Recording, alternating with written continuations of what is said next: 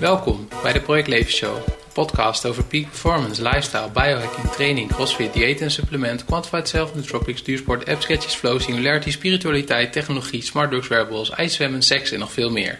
Mijn naam is Peter Joosten. In deze aflevering praat ik met Jelmer de Boer, blogger en auteur van het boek Eet taart en krijg een sixpack. Hierom moet je luisteren. Hoe krijg je een sixpack? Wat vindt hij van voedingsmythes en dieethypes? Waarom ziet hij zichzelf als digitaal nomade? En welke tips heeft hij om goedkoop te reizen en te vliegen? Voordat we starten. Persoonlijk vond ik het een heel boeiend gesprek. Het gaat namelijk niet alleen over training en gezondheid, maar ook over zijn leven als blogger, over minimalisme en goedkoop reizen. Wat nog belangrijk is om te vertellen is dat we het interview hebben opgenomen in het centrum van Amsterdam. Na drie minuten hoor je ook een vuilniswagen op de achtergrond. Ik heb het stuk er wel ingehouden omdat het gaat over de jeugd van Jelmer en het geeft je meer context bij wat hij nu doet. Wil je meer weten over de Project Leven Show? Ga dan naar www.projectleven.nl slash podcast. De show notes van deze aflevering kun je vinden op www.projectleven.nl slash de Boer aan elkaar. Abonneer je op mijn nieuwsbrief door te gaan naar www.projectleven.nl. Je krijgt dan updates, gratis downloads, exclusieve video's en korting op evenementen. Podcast werd mede mogelijk gemaakt door superlifestylesummit.nl. Lezingen en workshops voor en over een super lifestyle, zoals voeding, slaap, stress en sport. De podcast werd mede mogelijk gemaakt door Seeds to Meet, Beurs van Berlage in Amsterdam. Kijk op superhumanbook.nl waarin ik al mijn tips, hacks en habits voor optimale prestaties heb gebundeld in een boek. Wat ik ook leuk vind is als je een review op iTunes achterlaat. Here we go. Vandaag de gast in de Project Show Jelmer de Boer. Jelmer, zou je jezelf kort introduceren? Wie ben jij? Uh, nou, zoals je net al zei, ik ben Jelmer de Boer. Ik ben 30 jaar. Ik ben nou, sinds vorige week mag ik mezelf auteur noemen. En daarnaast ben ik blogger, en normaal gesproken in het uh, fitness- en uh, food segment. Daar word ik in gedrukt. En ik ben ook innovatieconsultant bij Changing Life. En dat is het moederbedrijf van Personal Body Plan. Oké, interessant. Ja. Want we gaan het zo meteen over je boek hebben. Maar nog even na afgelopen week. Wat is het leukste wat je hebt gedaan of gezien of gehoord? Nou ja, dat was natuurlijk vorige week mijn boekpresentatie. Vorige week woensdag. Dus dat valt nog binnen een week geleden. Ja. Um, ja, dat was heel tof. Het was uh, in, een, uh, in een taartenwinkel. Mijn boek Eet taart krijg een sixpack. werd gelanceerd. En ik kreeg nooit feestjes, al tien jaar geen feestje gehouden. En nu was het opeens een feestje voor Jelmer de Boer. Dus dat is een beetje ongemakkelijk, maar ook wel heel leuk tegelijkertijd. Dus dat is het leukste wat ik heb gedaan. Waarom geef je geen feestjes? Ik hou wel van aandacht, maar vooral online. En, maar ja, in, uh, in het echt vind ik het een beetje...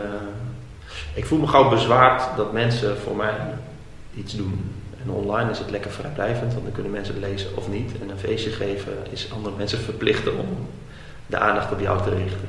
Oké. Ja. ja dus je Ik denk dat het daar vandaan komt. Ja. Hey, en we hadden het in het voorgesprek al even over. Um, maar heb jij iets met de term peak performance? Ja, ik vind het heel moeilijk.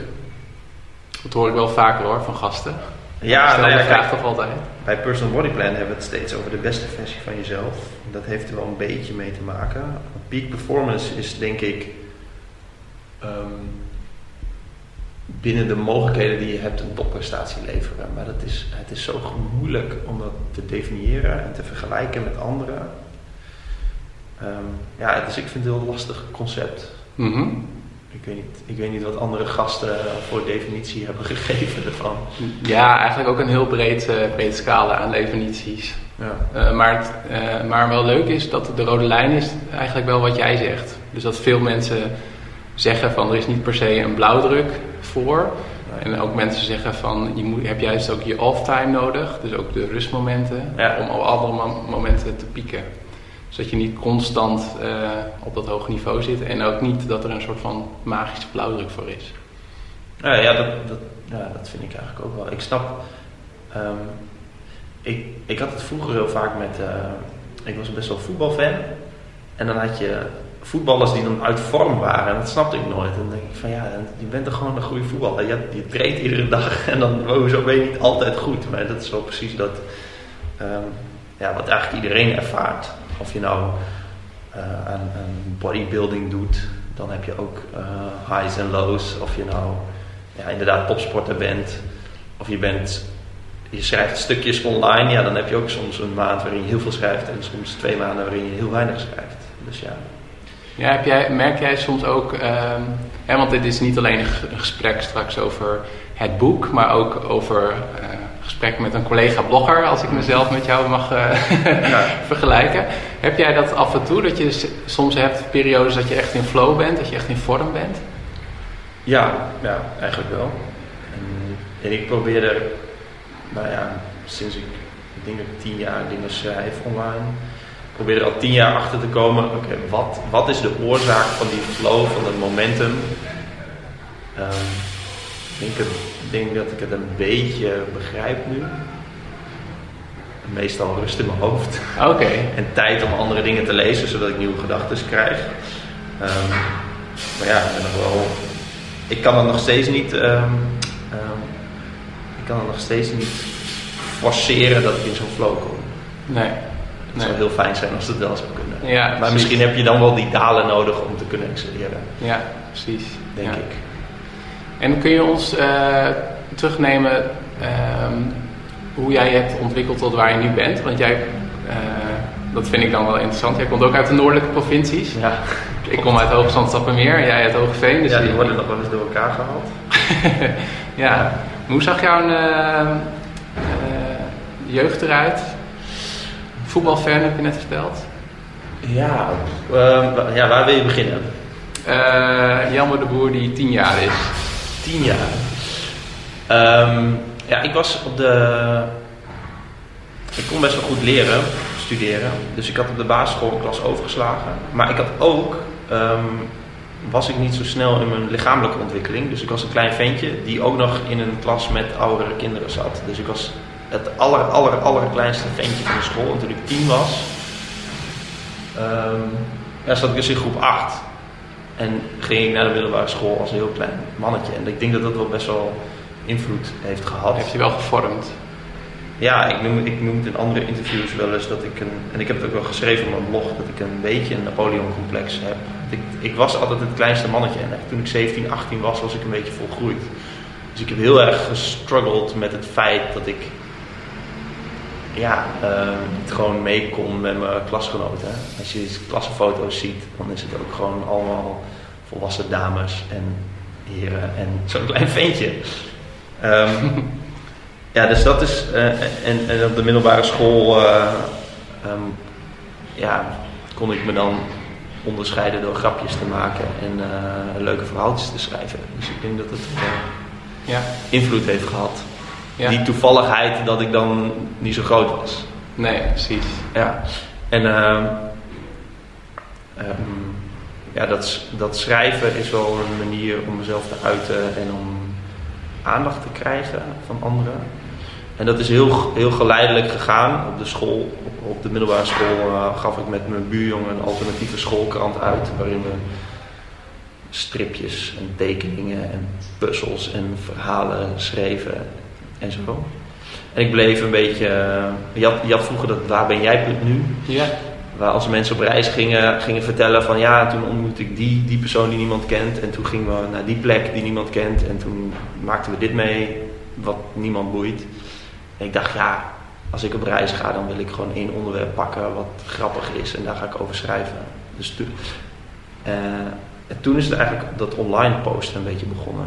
Toen ging ik reisverhalen schrijven, maar ik hoopte daar meer mensen dan alleen mijn moeder mee te vermaken.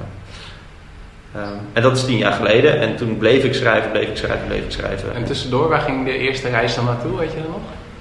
Waar ik het eerst over schreef, is volgens mij toen ik naar een, uh, een vriend van mij die in Seattle studeerde, in uh, de Verenigde Staten.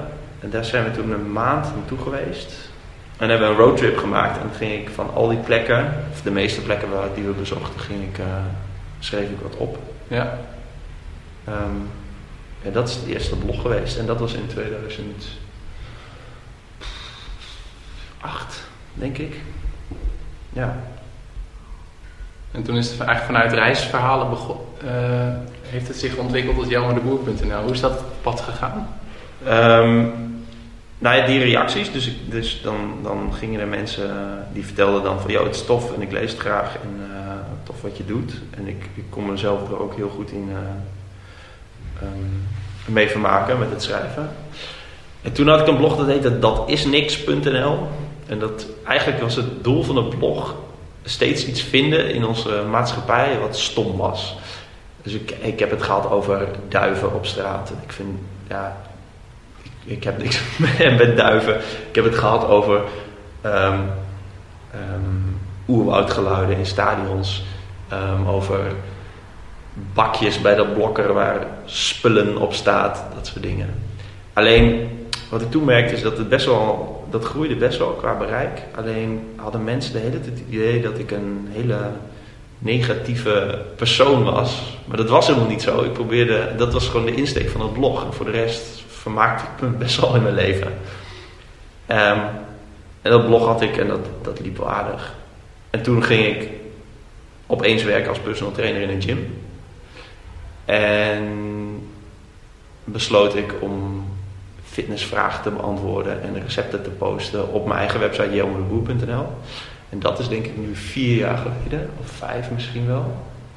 En dat, is, dat bestaat dus nog steeds, jelmodeboer.nl. En dat heeft zich ontwikkeld tot een vorm die eigenlijk lijkt op dat is niks.nl.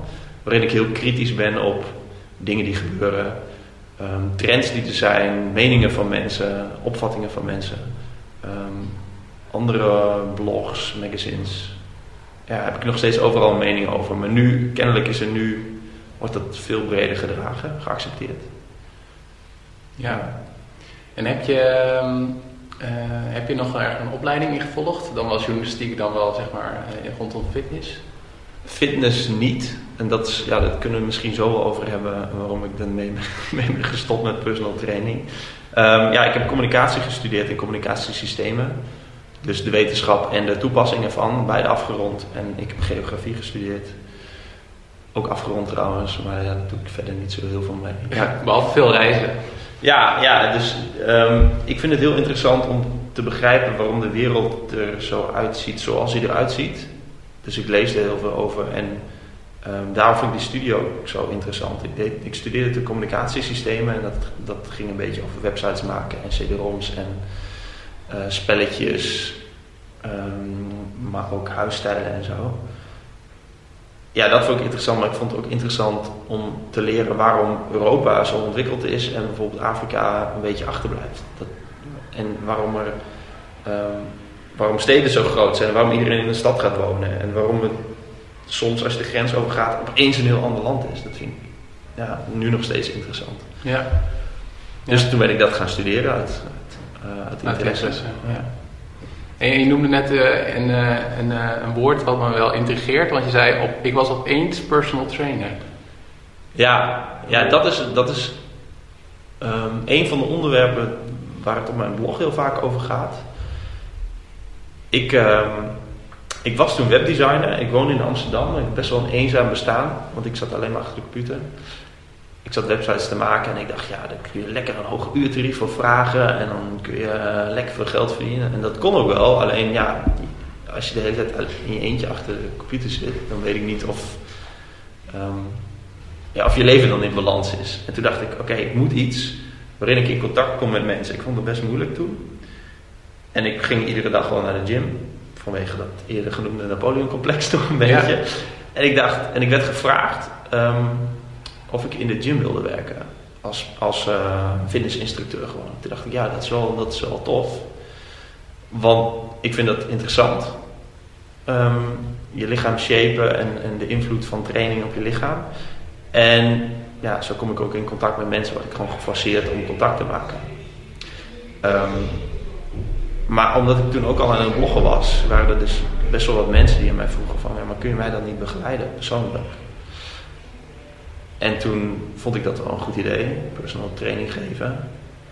Um, en eigenlijk zonder opleiding, ja, een, een, een ALO-opleiding en een, basis personal trainer opleiding, was ik opeens personal trainer. En was ik opeens die gast die mensen ging vertellen hoe ze moesten afslanken en welk trainingsprogramma ze moesten volgen en hoe ze, hoe ze moesten eten en dat soort dingen. En dat werkte best wel goed.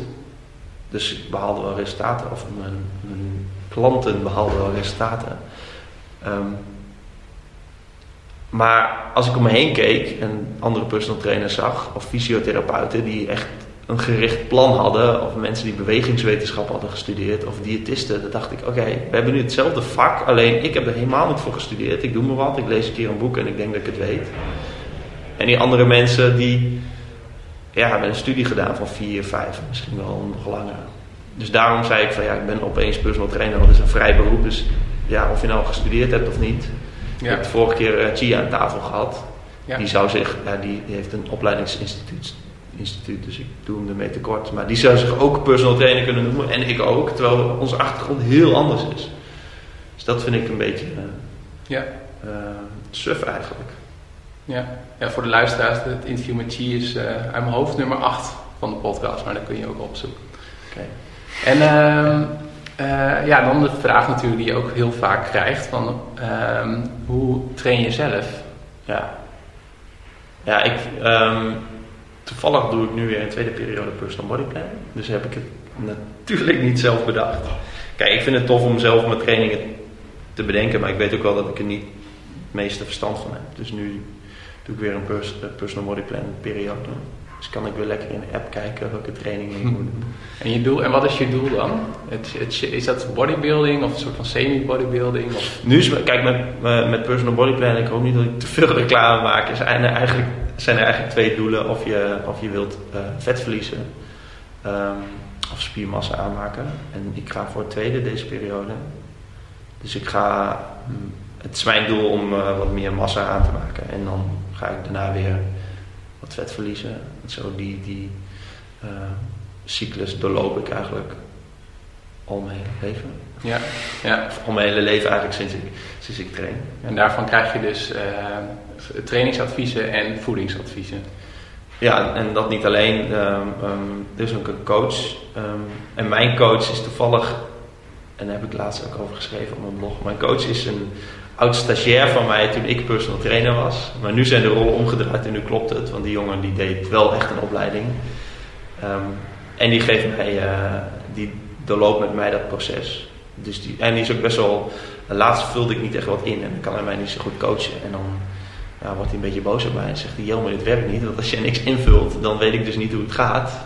En dan uh, kan ik je niet coachen. Dus dat vind ik wel fijn dat hij het doet. Ja, wat ik wel heel boeiend vind, dat verhaal hoorde ik laatst ook van Tiger Woods, dat hij ook gewoon een coach heeft.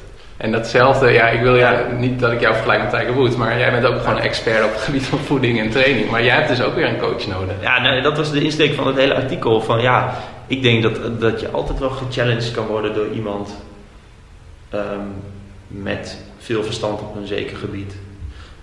Dus ja, ik vind het ook tof om met iemand te praten. Um, en dat heb ik een aantal maanden geleden gedaan, die op sociaal gebied um, mij helpt. Hoe ik om moet gaan met relaties of hoe ik om moet gaan met um, ja, in een sociale omgeving opereren. Ja, dat, dat kan ik wel in een boek lezen, maar dat, het is tof om daar met iemand over te hebben. Ja. En die coach, ja, hij hoeft. Kijk, uh, toevallig is dit een coach met ook een opleiding, maar die coach hoeft helemaal niet zo'n opleiding te hebben van bijvoorbeeld uh, uh, fitnessinstructeur of sportdocent. Als die coach goed jou door een proces kan begeleiden, dan is dat prima. Ja. Dus dat vind, dat vind ik heel erg fijn. Dus ik, daar ben ik het zeker mee eens dat je altijd een coach nodig kunt hebben. Ja. Moet hebben, maar ja. Ik wil het graag hebben over je boek. Ja. Eet taart en krijg een sixpack. Ja. Um, voordat we naar de inhoud gaan, wanneer was er een bepaald moment dat je dacht: ik ga een boek schrijven? Of ben je daarvoor gevraagd? Of? Ik, uh, eigenlijk al sinds ik dat blog heb over uh, fitness en food, om maar eventjes uh, de algemene categorieën te gebruiken, heb ik zoiets van: oké, ik wil eigenlijk ook een boek schrijven. En ik had al boeken geschreven, e-books, die je gewoon kon, kon kopen op mijn website. Maar ik wilde ook een tastbaar een soort artefact wilde ik hebben. Maar tegelijkertijd vond ik dat heel lastig. Omdat een blog is mooi dat je steeds nieuwe gedachten hebt en dingen kan aanpassen. En weer eens iets verder kan uitdiepen en, en, en opzoeken. En daarover kan schrijven. En ook kan reageren op mensen. En een boek is dingen opschrijven, een punt achter zetten en naar de drukker brengen. Dus daarom vond ik het wel heel lastig. En bovendien dacht ik, en ik in, verbaas me heel vaak over wat er allemaal wordt geschreven. En bovendien dacht ik, er zijn zoveel bloggers die nu een boek aan het schrijven zijn, dan ja, ik vind het niet meer heel speciaal of zo. En toen, meer dan een jaar geleden, kwam, kwamen er twee uitgevers bij mij, vrijwel tegelijk, in één week. Dat was heel grappig. En één daarvan was uh, Spectrum. En uh, ik heb daar heel veel gesprekken mee gehad. En het heeft vier maanden geduurd voordat ik heb besloten van oké, ik ga ook een boek maken.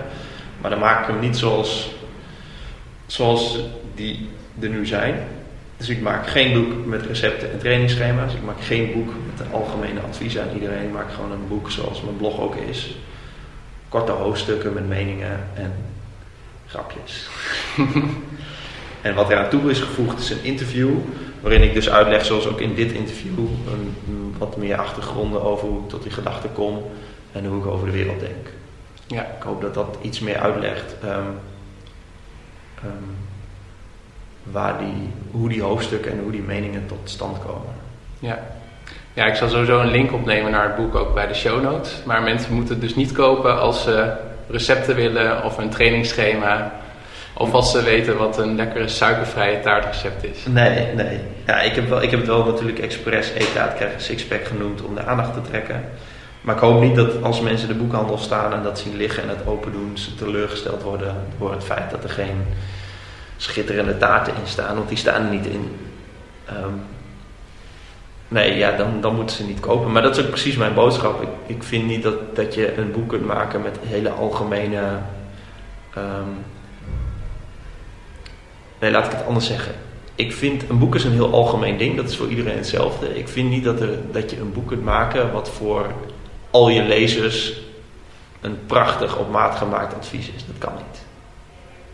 Dus ja, je zou eventueel een boek kunnen maken met trainingsschema's ter inspiratie of recepten ter inspiratie, maar je kunt niet een boek maken met een heel plan erin.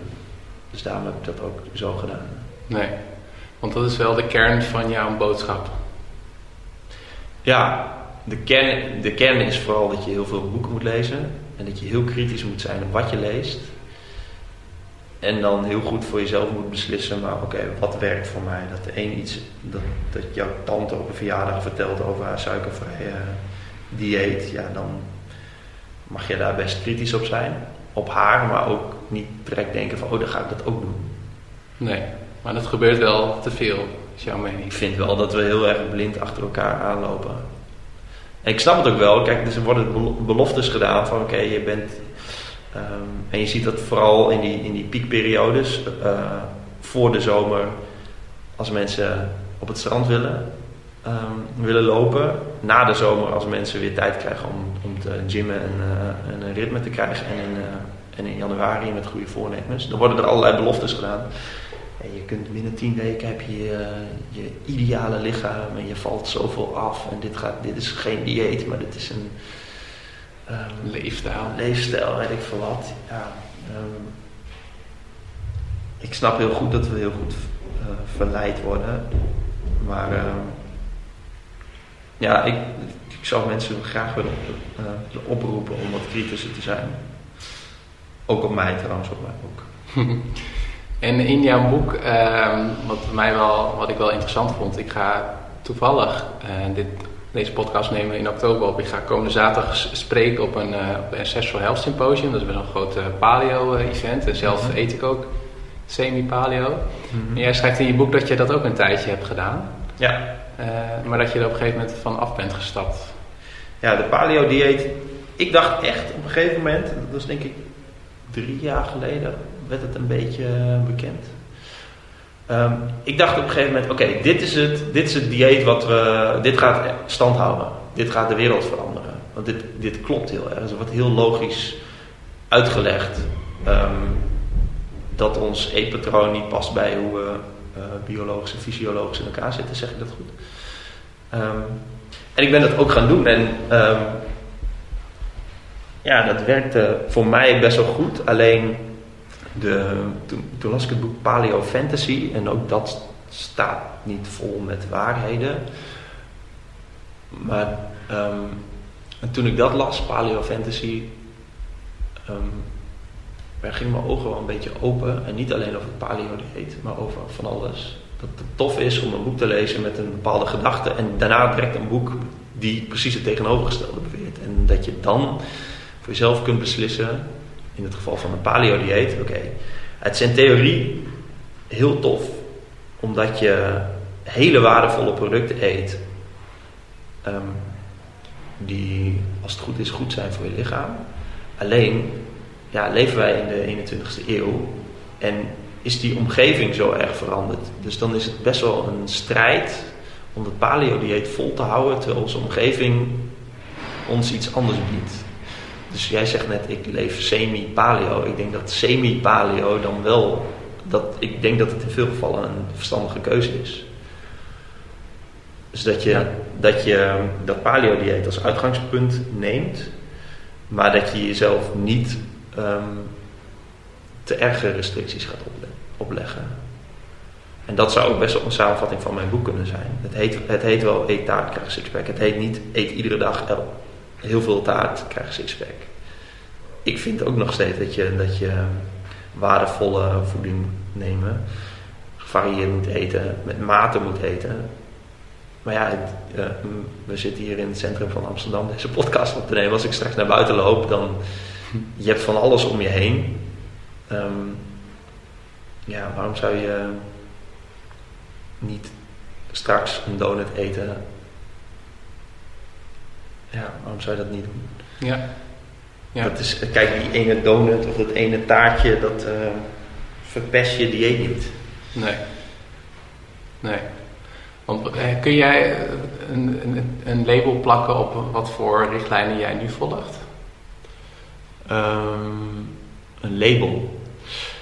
Ik denk, dat ik, het, ik denk dat ik de richtlijnen van het voedingscentrum volg. En uh, ik heb daar helemaal geen uh, banden mee of zo. En ik, ik vind het altijd zo sneu dat het voedingscentrum. Ze doen heel hard hun best. Ze geven goede adviezen. Ze hebben net, net uh, die adviezen weer veranderd. Het zijn ook algemene adviezen. Um, ik vind het zo sneu dat mensen er zo, zo uh, fel op reageren. Want eigenlijk alles wat er op die website staat van het voedingscentrum, dat, dat, dat klopt, is logisch. En dat zouden mensen eens moeten lezen en over moeten nadenken. Um, nou, ik denk dat, die, uh, dat ik dat opvolg. En, maar dat is dus, dat is dus semi-paleo. En dat is dus etaat krijgen sixpack. Dat, dat is allemaal een beetje hetzelfde. Ja. ja. Die, ja, als, Um, zij schrijven ook over dat suikervrij eten intense bullshit is. En ja, ja volgens, mij, uh, volgens mij zijn er best wel veel mensen die, um, die hetzelfde beweren, alleen noemen we het gewoon anders. Ja, en um, ik heb ook een podcast gehad met Ralf Moorman, dus aflevering nummer 18. Mm -hmm. En ik had het met hem ook over voedingstrends, of het nou paleo is, of vegan, of green happiness, et cetera. En uh, je hebt er een duidelijke mening over, maar doet dat ook echt iets met je gevoel als je weer een, uh, een trend voorbij ziet komen? Of is nou, het meer voer om er weer een artikel over te schrijven? Nee, nou, de beste post schrijf ik wel als ik echt, als het, als het echt in mijn hart een beetje pijn doet. Um,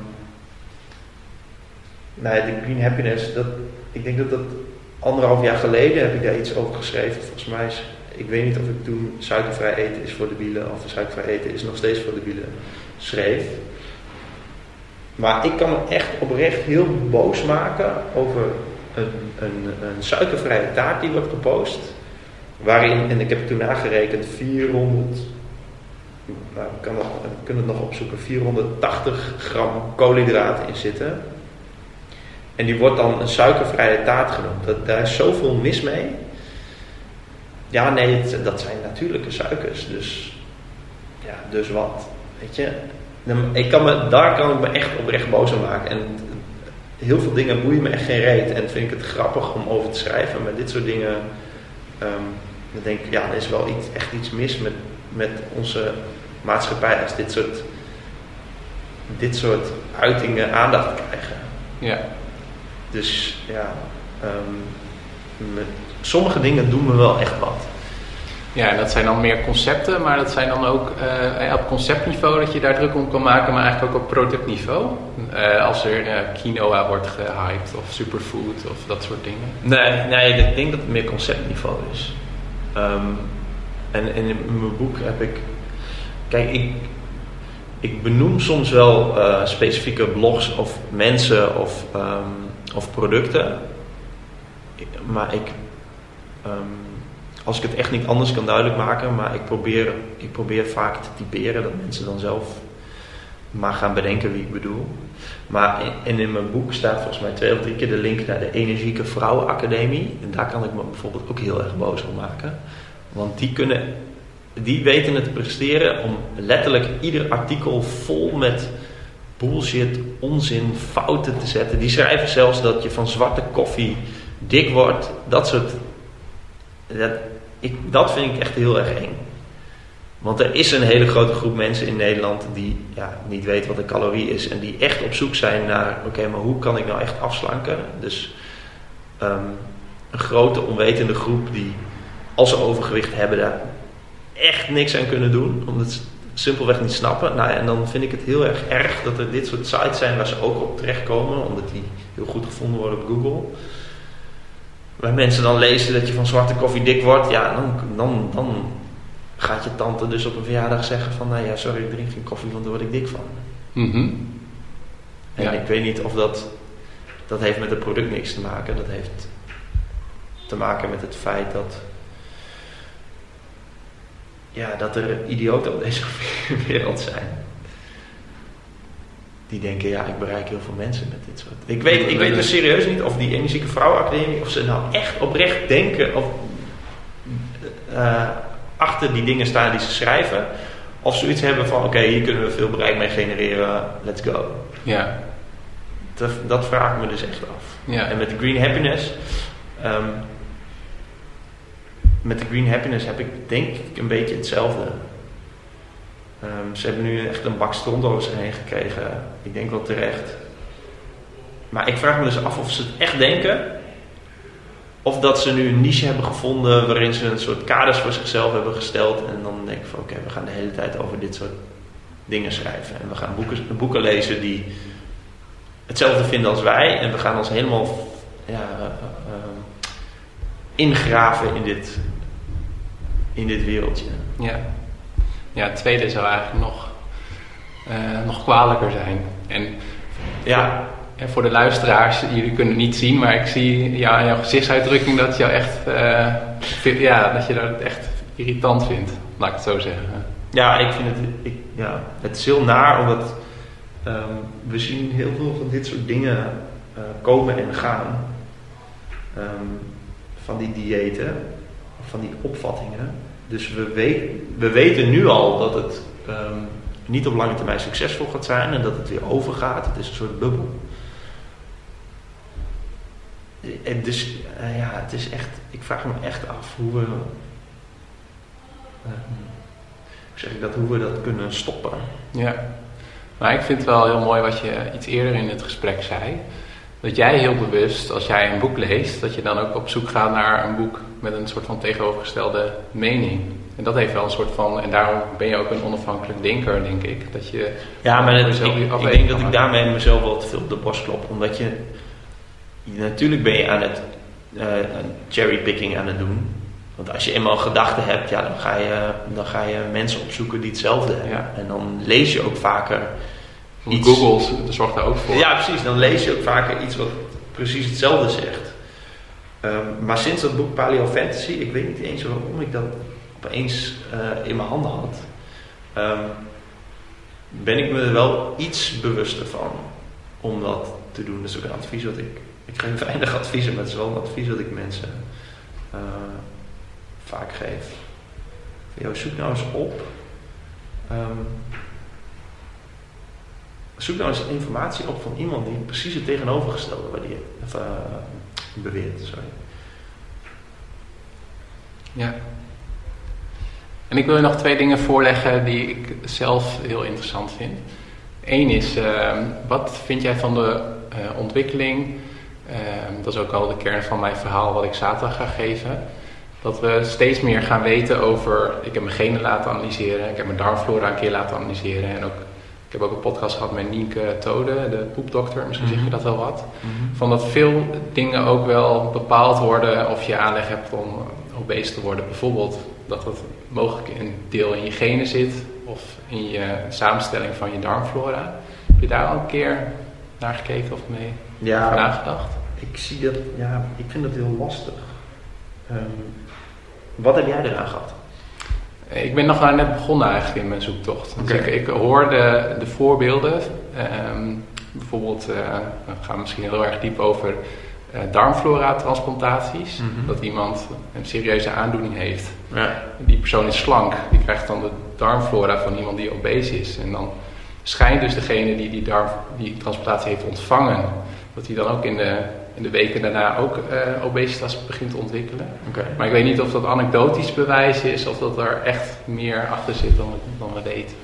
Ja, het lijkt mij, het lijkt mij, eh, Het is in ieder geval iets waarvan de- in de media gaan we de komende jaren daar nog veel meer van zien. Van er is nu een gen ontdekt voor obesitas of een gen ontdekt voor verslaving of een gen ontdekt voor verzadiging. Of, terwijl ik denk dat het veel complexer is. ik denk ook dat het, ja, ik, ik heb daar heel weinig verstand van, maar ik vermoed dat het complexer is. Maar het, het, het, het schurkt ook wel een beetje tegen dat quantified self aan, hè? dat we allerlei dingen over onszelf willen meten en weten. En ik, ik vraag me steeds af van, maar wil je je daar druk om maken?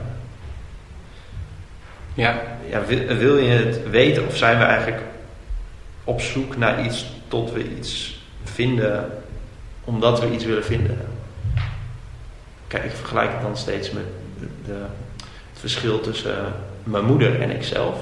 Ik ben een dude die tien jaar lang, eh, net zoals jij waarschijnlijk, allerlei boeken leest over dit, dit onderwerp. Dat, eh, fitness, gezondheid, eh, voeding en alles wat het met je lichaam doet. Ehm, ja, ik kan, er zijn echt ontelbare uren ingestoken. En mijn moeder doet dat niet. Die weet, denk ik, niet wat een calorie is.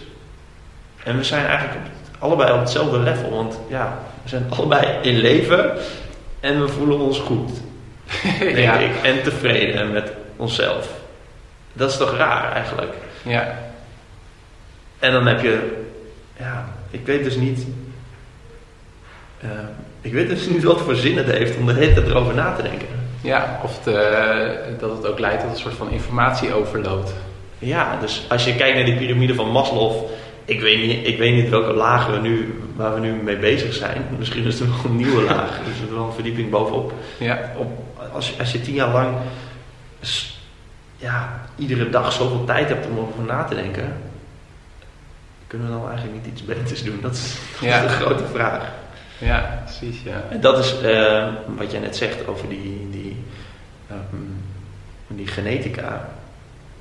Ja, als we daar als gewone man ook nog over na gaan denken, dan weet ik niet welke. waar het eindigt.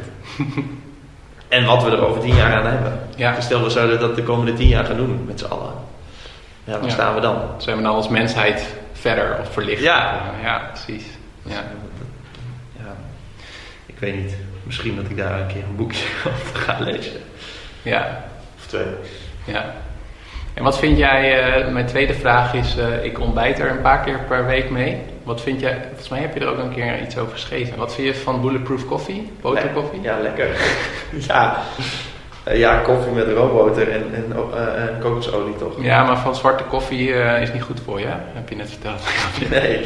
Nee, ja, ik, eh, je hebt die, die ontzettende beuna, zo heet die gast ook weer van Bulletproof Coffee. Dave Asprey. Ja, kijk, ik vond het. Ik, ik dacht ook, van toen ik het las, ja, ik denk ja, interessant. Ik ga, dat, ik ga dat dus doen. En ik deed ook crossfit en in mijn crossfit box toevallig zaten ze dat allemaal te drinken. Ja, het is super lekker, want roomboter is lekker en koffie is lekker. Dus dan zal die combi ook wel lekker zijn. En dan, ja, ik heb de conclusie getrokken dat het eh, een beetje onzinnig is, bulletproof koffie. Nee, heel erg onzinnig is om te drinken. Maar het is wel lekker. Het is wel- ja, dus je moet Ja. gewoon drinken als je het lekker vindt. Ja, En vind als ik je je verder goed bij voelt. En, Nou ja, je hebt natuurlijk dat. ehm, ehm, het een beetje placebo-effect. Als je denkt dat het werkt, dat het dan ook gaat werken. ja, Maar daar heb ik te weinig verstand van om ja, maar dat schijnt überhaupt met diëten te zijn. hè? Ja. ja. Ja. Alles. En ehm, afgezien van fitness en training, jij vertelde dat je over een week naar Bali gaat. En dat je ook ehm, in de an- laatste anderhalf jaar elke maand in het buitenland bent. Ja. Zou je jezelf een digitale nomade willen noemen? Kunnen noemen? Ja, ik denk het wel, maar dat, ja. Ehm, ja, ik denk het wel. Zoals nu ook, dan.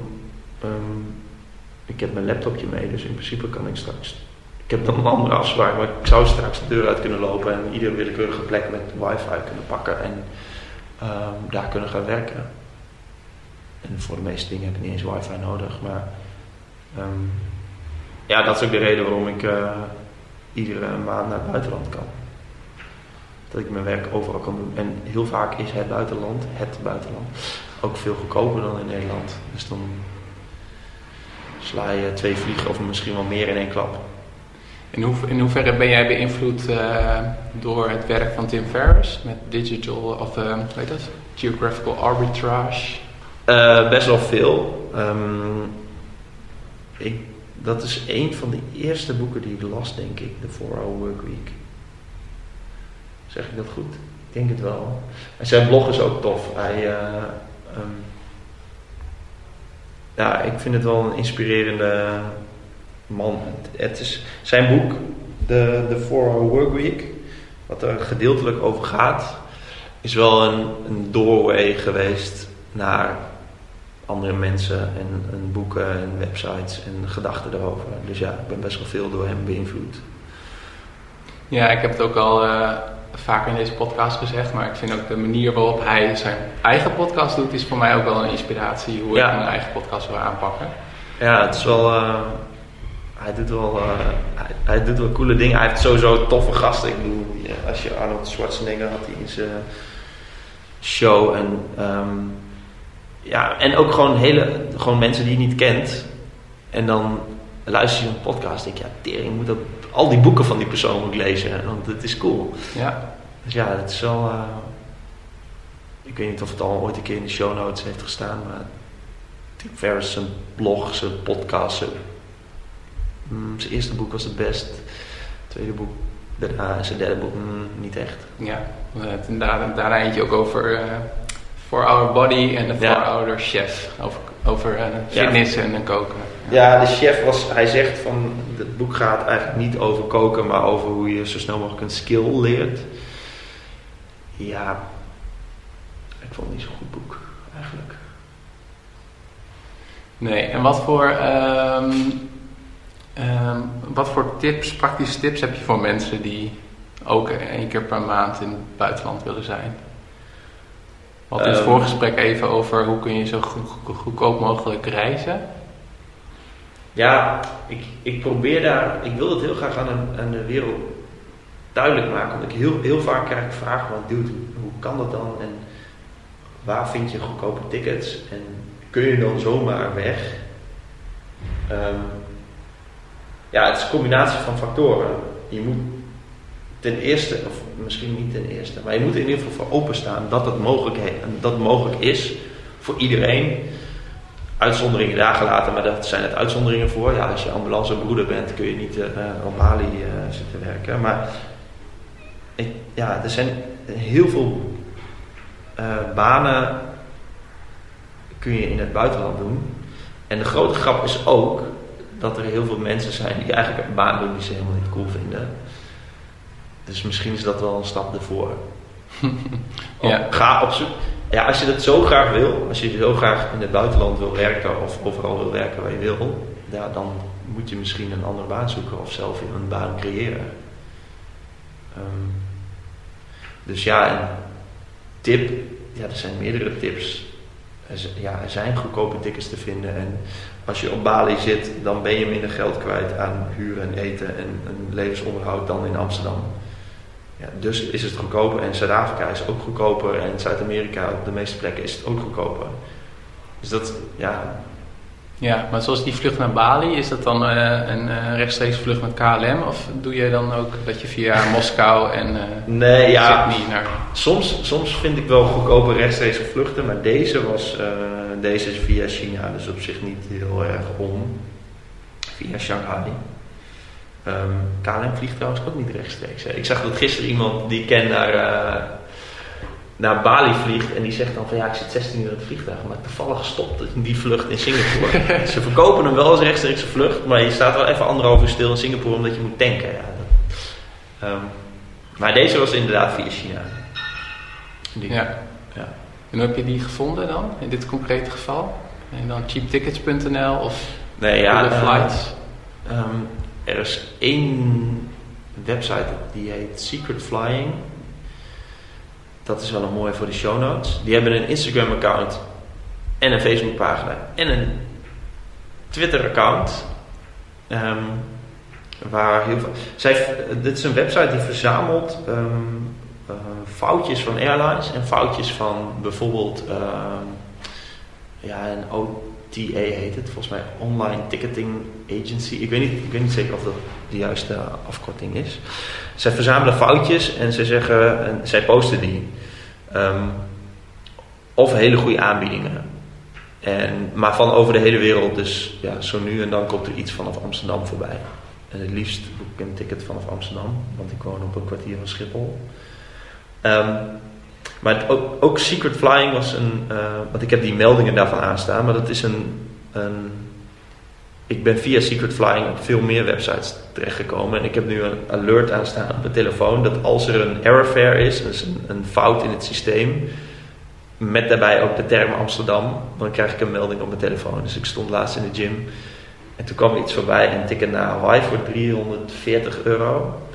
Ehm, dan zie ik dat op mijn telefoon en dan ga ik direct naar mijn laptop toe en boek ik die ticket.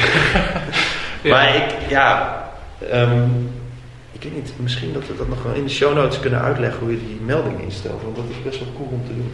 Want dan bespaar je echt vaak tot 80% op je, op je vliegtickets. Ja, als je dan nog wil opsturen, dan kan ik het, eh, of een link of eh, Ja. de beschrijving kan ook. Maar dat, dat eh, die airfares, ehm, dus foutieve prijs is het eigenlijk, dat is, het is net zoals pokeren.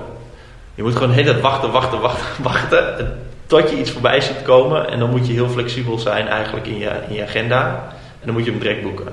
Ja, En in mijn geval boek ik hem direct en dan zie ik later wel of het allemaal werkt met mijn agenda. Ehm, ja, meestal lukt dat wel.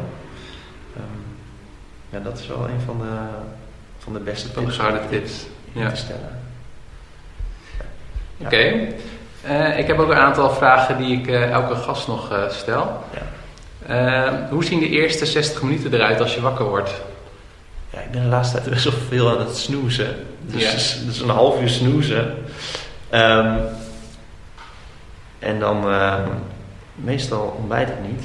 Dus dan eh, ga ik mijn bed uit, ga ik douchen en tanden poetsen en omkleden en naar mijn werk. Is dat bewust? Doe jij intermittent fasting? Dat Mm, principe van bewust, ja. Nee, maar ik weet niet. Vroeger had ik altijd heel veel honger 's ochtends. Ik weet niet, misschien. Ik denk dat het kwam doordat ik dan s'avonds minder at. En nu eh, heb ik niet echt behoefte aan een ontbijt. Dus eh, ik zie de volgende vraag op het lijstje staan. Wat heb je vanochtend ontbeten? Ja, een glas water. ja. Ja, maar je doet geen rare, dingen, eh, rare dingen, bijzondere dingen van lauw warm water of water met citroen of water met zout of gewoon, gewoon normal. Nee, nou ja, ik denk dat ik ongeveer. Nu ga ik iets uit de lucht grijpen.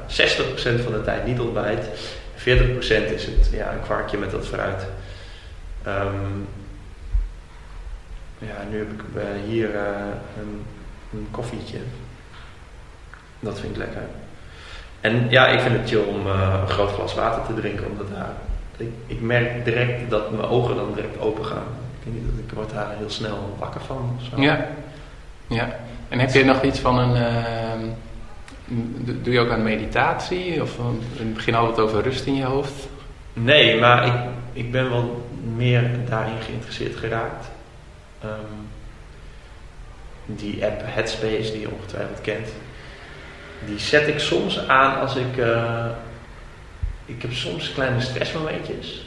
Als ik het niet, niet meer overzie wat ik nog allemaal moet doen. En dan zet ik hem even aan en het helpt wel om 10 minuten te relaxen in je ademhaling. Onder controle te krijgen. Maar ik begin niet de dag met een, met een meditatie. Nee, precies. Maar ik denk dat het, het kan best wel zo zijn dat, het- dat als je mij over twee jaar weer spreekt, dat ik het dan wel doe. Want ik merk wel, ook in die kleine 10 minuutjes, al de, de fijne effecten ervan.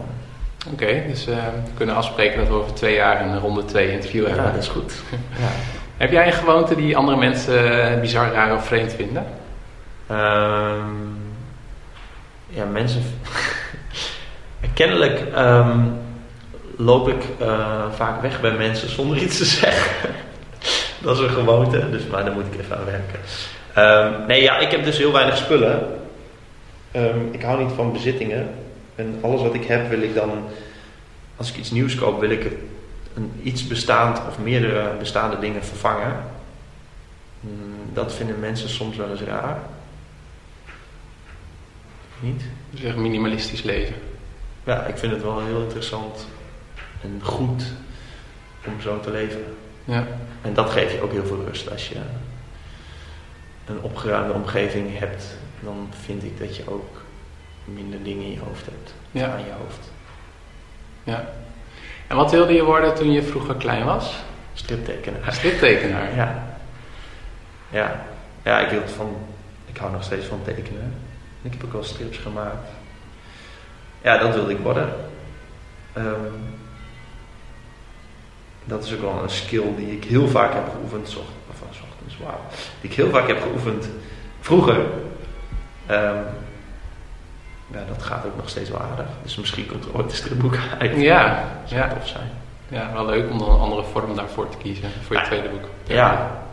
Nou, ik heb het wel. Ik ben. eh, ik heb wel wat illustraties gemaakt voor. eh, als werk, zeg maar. Dus voor logo's of voor. eh, ja, van alles wel. Boeken, presentaties, dat soort dingen. Ja, ja. Dus ja. En we hebben het al gehad over de 4-Hour Workweek. Is dat je favoriete boek of heb je een ander favoriet boek op dit moment? Eigen boek natuurlijk. Nee, Ja. ehm, ehm, ik vind de boeken van Michael Pollan tof. Die schrijft over voeding. Zijn Netflix-serie is ook, is ook cool, Cooked. Waarin hij de vier elementen, uit zijn vier afleveringen, vier elementen gebruikt hij om dingen uit te leggen over eh, ja, eigenlijk ehm, het bereiden van eten. En zijn boeken gaan over hoe je zou kunnen eten. En volgens mij is zijn samenvatting altijd eet vooral plantaardig en niet te veel. Volgens mij is dat zijn. En daar schrijft hij boeken vol over. Dat vind ik cool. Ehm, ja, de 4-Hour Body vind ik. Of de 4-Hour Workweek, sorry, vind ik. eh, ja, vind ik ook een heel tof boek. En wat mijn favoriete is. Ik weet niet. Ja, Meditations van Marcus Aurelius vind ik ook cool. Daar ben ik mee begonnen, maar ik vind hem wel eh taai. Ja, ja, het is niet een boek wat je zo... Eigenlijk zou je het op het toilet moeten leggen. je kunt het openslaan en... Het mooie aan dat boek is, het is een boek geschreven door een, een Romeinse keizer die ook filosoof was. En 2000 jaar geleden heeft hij het geschreven. En het is zo grappig dat die... Het staat gewoon... Oké, ik moet even, even een stukje terug. Het is een Romeinse keizer die 2000, 2000 jaar geleden leefde.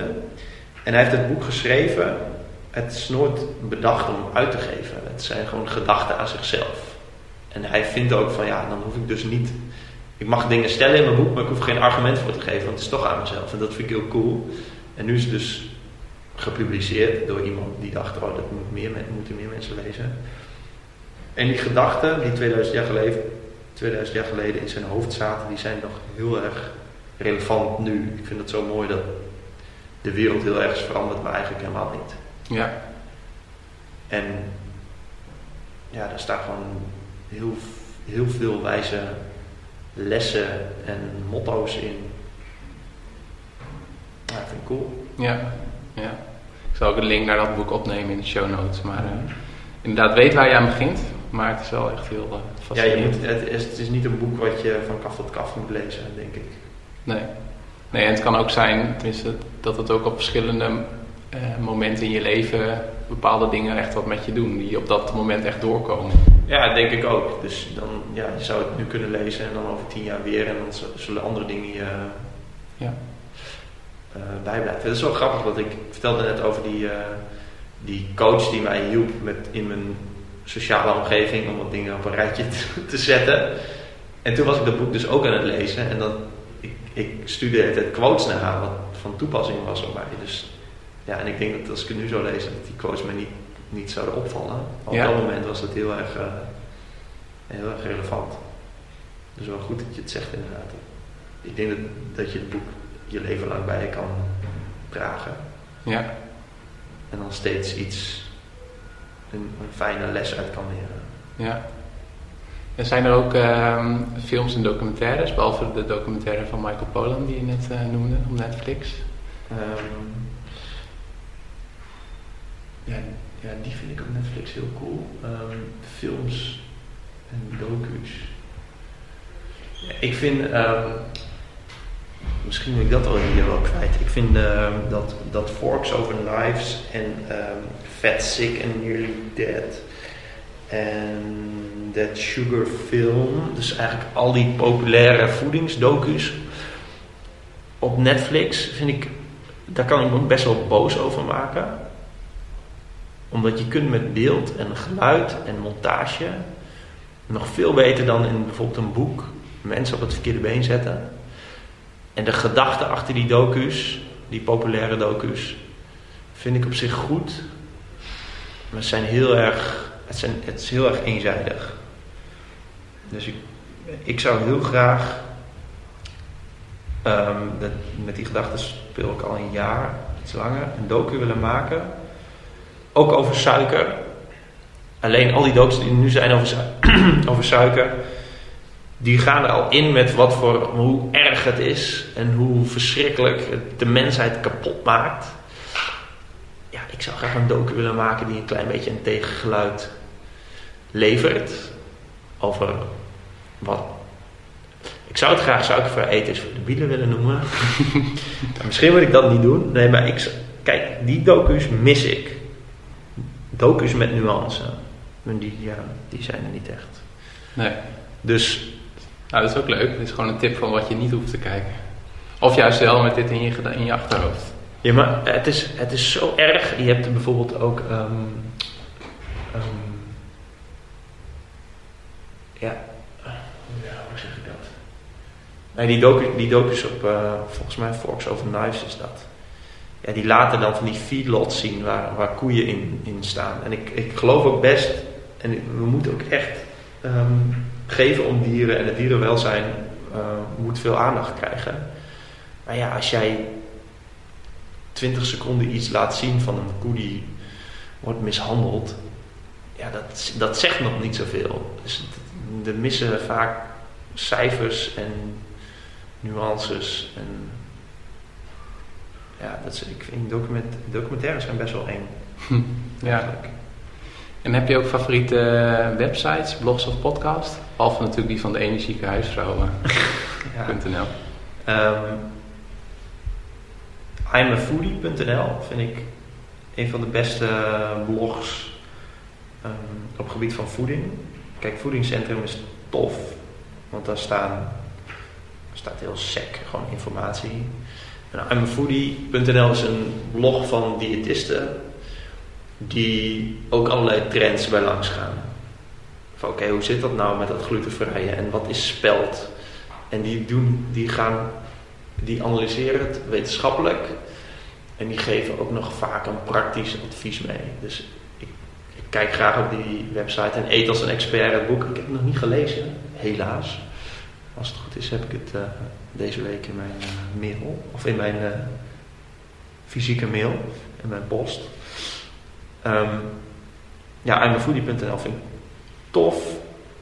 En nomadlist.com als je iets, als je informatie wilt over plekken op de wereld waar je ehm, kunt werken of verblijven. Dat, dat vind ik cool.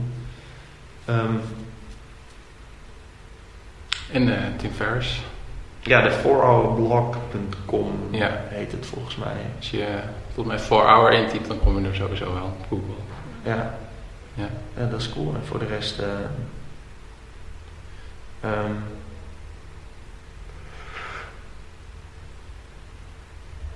ja, de, de, de maker of bedenker van nomadlist.com is Pieter Levels. En hij, zijn website is levels.io. En hij blogt daar over ja, dingen die hem bezighouden. Dus eh, de ontwikkeling van die website, maar ook zijn gedachten over bijvoorbeeld ehm, hoe het, een basisinkomen. Ehm, heeft iets over virtual reality. Ehm, tien tips die hij zichzelf zou geven als hij 18, of tenminste die hij aan zijn 18-jarige zelf zou geven, dat soort dingen.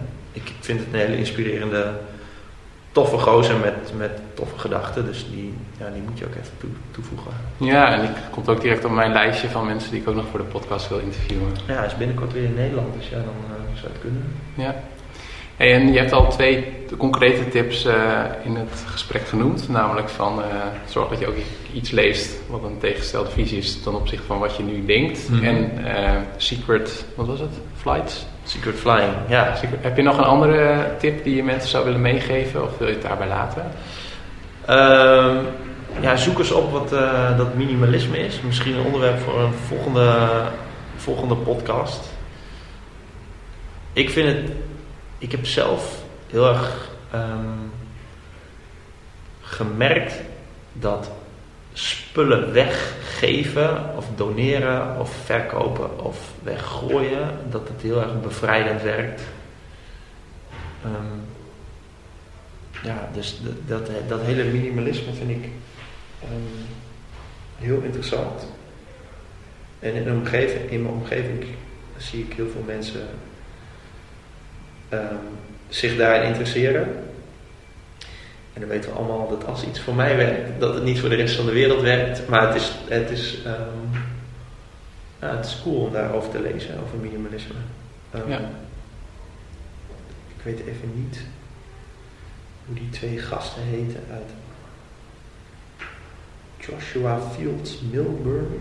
Misschien zeg ik nu een hele andere naam. Maar goed, ehm, je hebt er dus twee en die zal ik je nog wel sturen voor in de show notes, die eh, daar ook een blog over hebben. Ja, En het helpt je, het helpt je in allerlei gebieden in je leven. ja. Minimalisme. En hebben we nog iets gemist in dit gesprek wat we tijdens ronde 2 moeten bespreken? Nou ja, eh, minim, ja Minimalisme dus, ja. Ehm, dat dat eh, digitale nomaden bestaan, dat, ja, daar moeten we eventjes over nadenken. Dat kunnen we ook nog wel even bespreken. Of, of misschien kun je dat met Pieter bespreken, dat is wel cool. Je kunt eigenlijk met alles, alles met hem bespreken. Ehm, ja, we hebben zoveel gemist. Ja, we hebben het ook niet over jouw drones gehad. Maar, eh, want dat, jij, Drones, ja. ja. Ja, want dat, jij, de vraag is van waar ben jij te vinden op internet en eh, social media? Want op je Instagram komen regelmatig drones, drone video's langs, hè? Ja, wat was steeds lastiger trouwens. eh, om ergens die drone de lucht in te gooien. En dat snap ik ook wel. Het mag niet overal. En ik wil ook zeker niet in het buitenland problemen krijgen met autoriteiten. nee. Dus eh, ja, waar je me kunt vinden, eh janodeboer.nl is mijn blog. Wat ik beloof niet iedere dag een nieuwe blogpost. Want als ik in een flow zit, dan schrijf ik wel iedere dag, maar anders niet. Ik denk dat er gemiddeld twee artikelen per week bij komen. Eh, Instagram heet ik Geen Troep. Dat komt nog. eh, dat Geen Troep komt nog voort uit dat ik dacht dat producten goed of fout waren. Maar nu slaat het wel mooi op mijn minimalisme.